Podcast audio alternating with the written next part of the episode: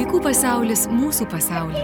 FM99 eterija skamba kiekvieną penktadienį 10 val. 20 min.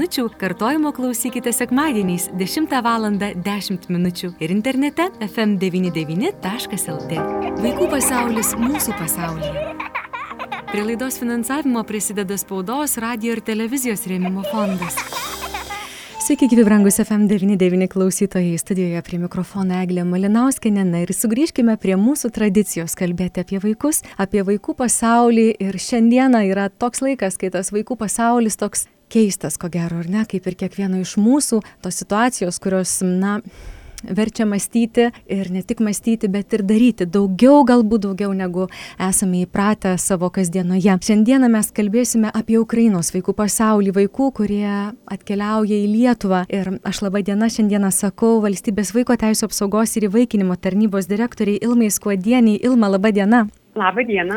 Labai malonu Jūs Ilma šiandien girdėti ir tokia tema, kuri ko gero, na, užgneužia kvapą ir, ir, ir gerklę užgneužia, na, jeigu ne kiekvienam, tai tikrai didžiai daugumai žmonių. Karas Ukrainoje, ta situacija ir vaikai. Pati ta, na, grupė žmonių, kurie mažiausiai ką gali padaryti, ko gero. Taigi šiandien vaikai, vaikai Lietuvoje. Sakykite, ar daug jų yra, kokie skaičiai, kas tie vaikai, kokios grupės, kurie atkeliavo ir kuriems tikrai labai reikia mūsų pagalbos bendrai į Lietuvą atvyko vaikų su savo tėvais ir, oi, atsiprašau labai, atsiprašau, bendrai į Lietuvą atvyko vaikų su savo tėvais arba be savo tėvų jau daugiau kaip 17 tūkstančių.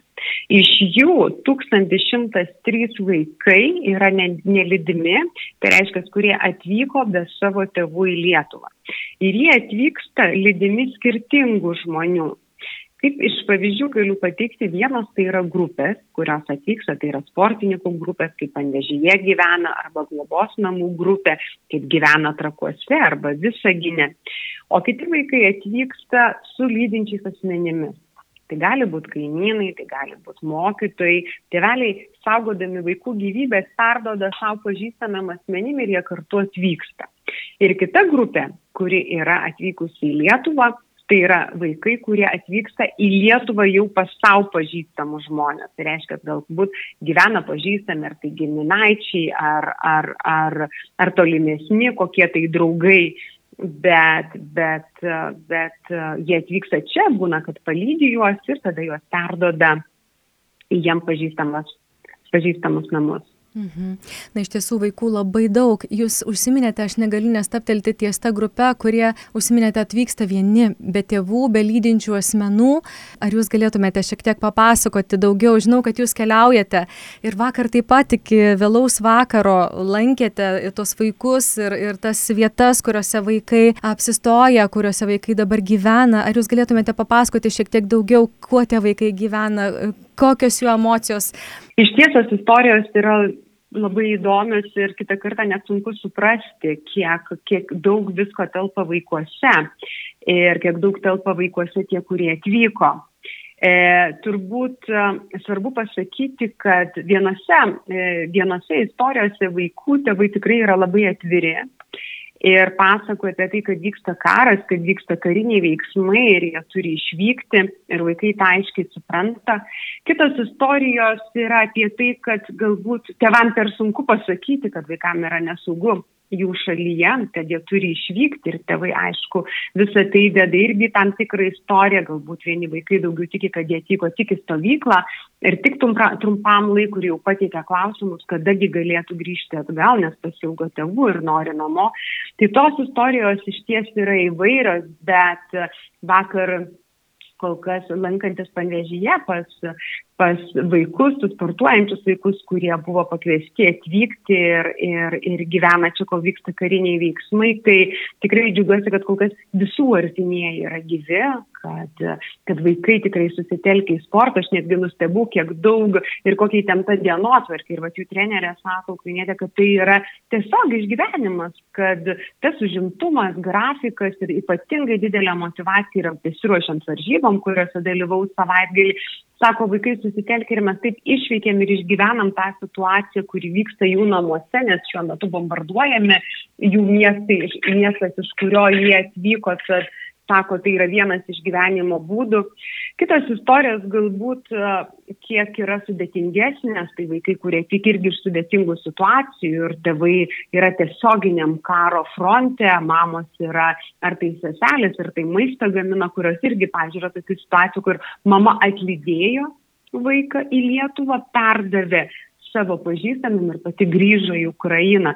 Tai tos istorijos tikrai yra įvairios ir Ir aišku pasakyti, žinot, dažnai sulaukiu klausimą, ar visi tėvai, tėvus turi ir ne visi. Tai yra labai sudėtingas klausimas, net negaliu šiai minutį atsakyti, ar visi atvykę tėvai dar turi savo, vaikų, savo tėvus, bet tikrai pasibaigus karų ieškosime visų artimųjų, ieškosime tėvelių, ieškosime senelių, kartu bendradarbiausim ir dabar bendradarbiaujame glaudžiai su Ukrainos, Ukrainos ambasada ir tikrai padėsime vaikams grįžti į savo valstybę ir aišku, kartu visiems ją atstatyti. Tikrai sunku suvokti ir širdim, ir protų tas situacijas, ir tas emocijas, kurias turi išgyventi tie žmonės. Žinau, Ilma, kad Lietuvoje yra daug žmonių, daug šeimų, kurie, na, išreiškia tikrai didelį norą e, padėti tiems vaikams, priglausti savo šeimose. Aš kalbu apie globą ir e, jeigu neklystu, tai beveik tūkstantis tokių šeimų, kad net reikėjo šiek tiek stabdyti tą registraciją, ar ne? Sakykite, o kaip e,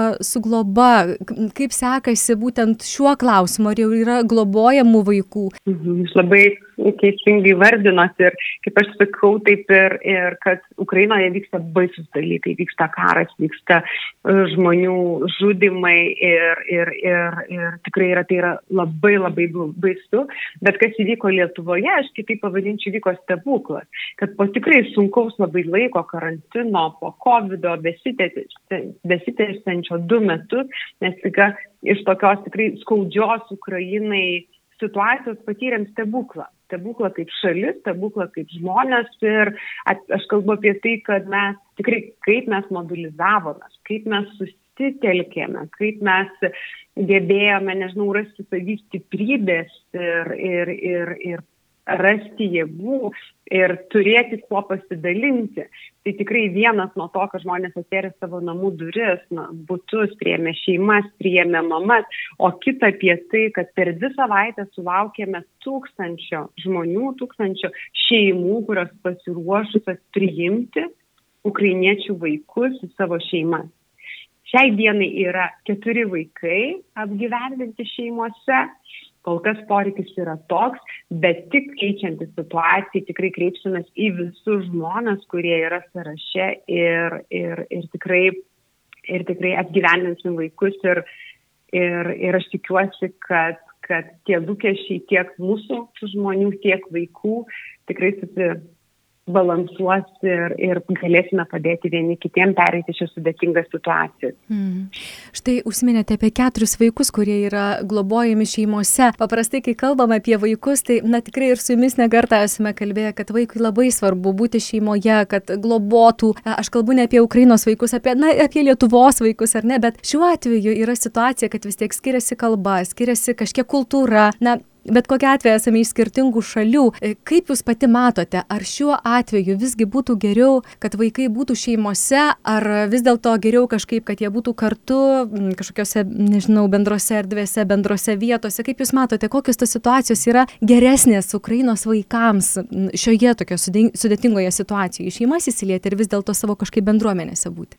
Jeigu aš galėčiau patikslinti, kad visiems vaikams yra nustatyta globa A. Tai 315 vaikų, kaip ir minėjau, gyvena grupėse, tie, kurie atvyko ar mokyklos, ar globos namai, o 788 vaikams nustatyta globa šeimose. Iš jų keturiem lietuvių šeimose. Tie, mhm. kurie neturi jokio ryšio iki tol, kurie nebuvo pažįstami ir kurie susitiko pirmą kartą ir jie buvo priimti, čia yra labai svarbu pasakyti. Mhm. Visi kiti 784 vaikai, kurie gyvena šeimose, jie jau turėjo kažkokį socialinį ryšį. Ar tai giminystės, ar tai draugystės, ar tai nežinau kokį susitikimą, gal kartu keliavo, Tai vad visiems vaikams yra nustatyta globa tik tie keturi išimtiniai atvejai, kur lietuvių šeimos priėmė į savo šeimas iki tol nepažįstamus vaikus. Tai va šitai išskirt norėčiau.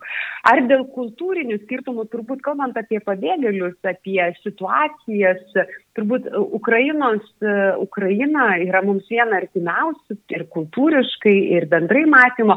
Aišku, kiekviena šalis, mes netgi kiekviena šeima turime tam tikrą matymą skirtingą, tam tikrą kultūrą, vystome arba tam tikrą auklėjimą, netgi turbūt ir mes savo šeimose, jeigu žiūrėtume Lietuvoje, skirtingai gali būti auklėjami ir matome tam tikras, tikras situacijas. Lygiai taip pat turbūt yra ir su Ukraina. Yra tam tikrų kultūrinių skirtumų. Pavyzdžiui, vienas iš to, aš nežinau, ar čia kultūrinis ar ne, bet, bet vaikai sakė, nevalgo trintų sriubų. Jie nesupranta, Aha. kas yra truntas sriuba. Žinot, kitos kultūros, nežinau, ten vaikai ar tai va, draugai Kiprė gyvena, ar, ar kitose šalyse nesupranta šaltibaršio, nes cepelinų. Tai mes vis tiek ar per maistą, ar per, ar per užimtumą turbūt matome tam tikrus skirtumus, bet kas mūsų jungia, tai turbūt bendri, bendri žaidimai, bendras laikas kartu, pasivaikščiojimas, nežinau, maisto gamyba, įtraukimas į tam tikrus dalykus, man atrodo, kad tai yra jungiamus ir reikia daugiau ieškoti ne skirtumo, o panašumo. Ir dar vienas įdomus dalykas, kad tiek, kiek susitikau su vaikais, tiek, kiek teko nuo mažiausių iki vyriausių bendrauti, tai jie visi tikrai puikiai, puikiai kalba rusiškai. Ir aš manau, kad ši kalba, aišku, šioj situacijai turbūt gal kiek ir skausminga, bet jinai tikrai padės susikalbėti šeimose. Taip, iš tikrųjų sumažina. Ir rasti tam tikrus sprendimus. Taip. Mm, sumažina tą, atskirtį tokia, ar ne vis tiek, na, Taip. susikalbėti yra labai svarbu, ypatingai su vaikais. Ilmai, sakykit, ar nėra tokio, na, nežinau, aišku, karo fone, tai ko gero, kad ne ta tema kalbėti, bet vis dėlto tokios baimės gal iš tėvų, iš artimųjų, kad vaikai Lietuvoje, na, ne, nebe, nebesugrįš į Ukrainą, kad jie pasiliks. Nėra tos baimės tokios palikti vaikus čia. Tikrai labai noriu pabrėžti, kad tiek Ukrainos socialinė apsaugos ir darbo ministerija, tiek Lietuvos socialinė apsaugos ir darbo ministerija, kad ministrės pasirašys susitarimą ir jis jau visai netrukus bus pasirašytas, kuriame aiškiai yra nurodoma ir apibrėžiama, kad, kad visi vaikai priimti Ukrainos bus gražinti ir perduoti atgal Ukrainai, tik esant saugiai situacijai, pasibaigus karo veiksmam ir esant saugiai situacijai. Nei vienas vaikas nebus įvaikintas ir kad visiems vaikams nustatoma laikina globa ir kad mes sieksime, padėsime ir užtikrinsime, kad tie vaikai saugiai grįžtų į savo kilmės valstybę. Tai čia yra labai labai svarbu pasakyti, nes tai yra Ukrainos vaikai, tai yra karo vaikai ir vyksta tikrai žiaurūs dalykai ir mes kaip valstybė prisėmam atsakomybę karo metu padėti apgyvendinti ir užtikrinti šių vaikų geriausius interesus, o tik pasibaigus padėti jiems saugiai grįžti. Mhm. Ilma, ar e, tarptų vaikų, ar nėra kažkokių specialiųjų poreikių vaikų, kuriems reikia na, ypatingos kažkokios priežiūros, ypatingos pagalbos, kiekvienoje šalyje jų yra ir na, karas nėra tas fonas, kuris panaikina tą būtinybę. Ar turite gal jau kažkokios ir, ar tokios statistikos, ar žinių, ar gauna paslaugas na, tie vaikai, kuriems reikia tos, pavyzdžiui, specialiųjų poreikių vaikų? Tiksliai negalėčiau jums įvardinti dėl specialiųjų poreikių vaikų. Ar vaikų yra su negale ir stipria negale, tai, tai nėra kol kas, bet mhm. tikrai vyksta pokalbiai ir dėrybos apie tai, kaip dėrybos, pokalbiai apie tai, kokie galėtų atvykti vaikai, kokie jų poreikiai būtų, kiek, kiek atvyktų, kad tarp šalių vyksta, vyksta pokalbiai, tai tas tikrai, ar Lietuvoje yra su specialiaisiais poreikiais. Aš manau, kad taip, kad yra, kad kiekvienam vaikui ir šiaip jau ši patirtis yra trauminė patirtis. Taip, taip, šiaip jau vaikams taip. reikia ypatingos pagalbos. Tai žinot, tą specialieji poreikiai, ir ne aš gal sakyčiau, ar yra su negalė, su stiprią negalę. Mhm. Tai kol kas nėra